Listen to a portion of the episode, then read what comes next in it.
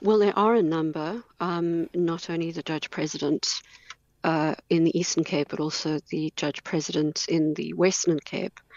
And then, of course, we're aware of the uh, ongoing tribunal dealing with uh, Judge Nana Makubela, uh, as well as uh, Judge Parker from, from the Western Cape.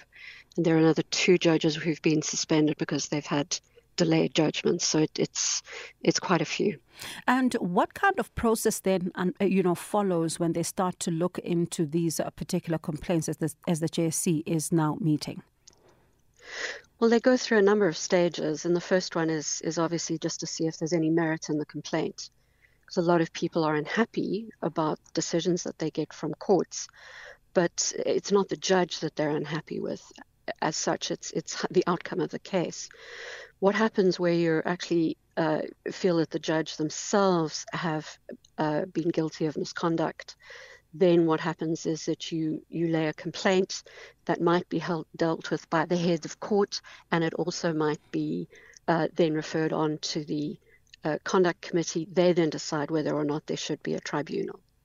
And of course, these are some of uh, you know the serious issues that we are seeing uh, being raised here, particularly when you think about the issue of delayed judgments. And I think about some of the interviews that would be conducted by the JSC, for example, for various positions that would be filled. This is a huge issue that comes up over time to say that if you do not deliver judgments in time, you are in fact standing, um, you know, between that person, that particular interested party, and them getting getting justice.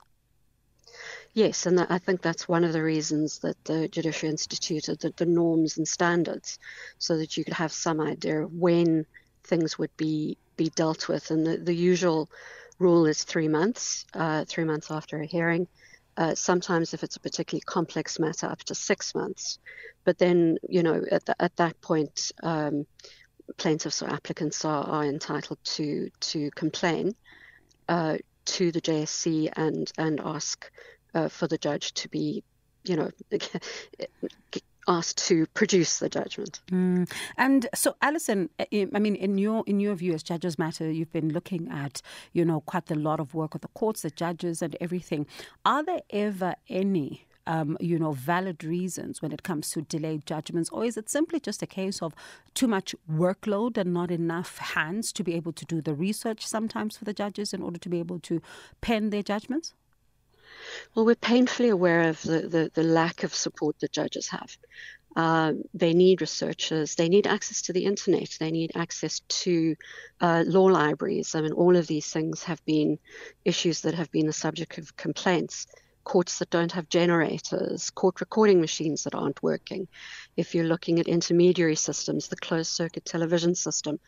not working.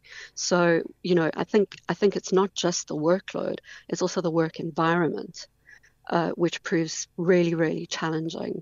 And, you know, unless we pay some attention to fixing those issues, it's it's no good just you know, making more and more demands on, on judges themselves, it's just it's not going to help. And it'll be interesting to see if uh, the JSC also does look deeper into some of these issues because they, they, they're quite important. And finally, as a question then, um, we saw the developments around judges, Chifiwa Maumela, for example, and Nomonde Mngabisa, and we saw this around April. Do the, the, the, the, the processes today also include these two judges? Not that I'm aware, no. Okay. I, I, as I understand it, the the conduct committee is dealing with the J- judge president of the West of the Eastern Cape. All right. Thank you so much, Alison, for that. Uh, all uh, very, very helpful uh, to also even get a sense of uh, just some of the workings behind the scenes when it comes uh, to the work of the Judicial Conduct Committee. Thank you so much. I do appreciate it. That was uh, the coordinator at Judges Matter, Alison Tilly.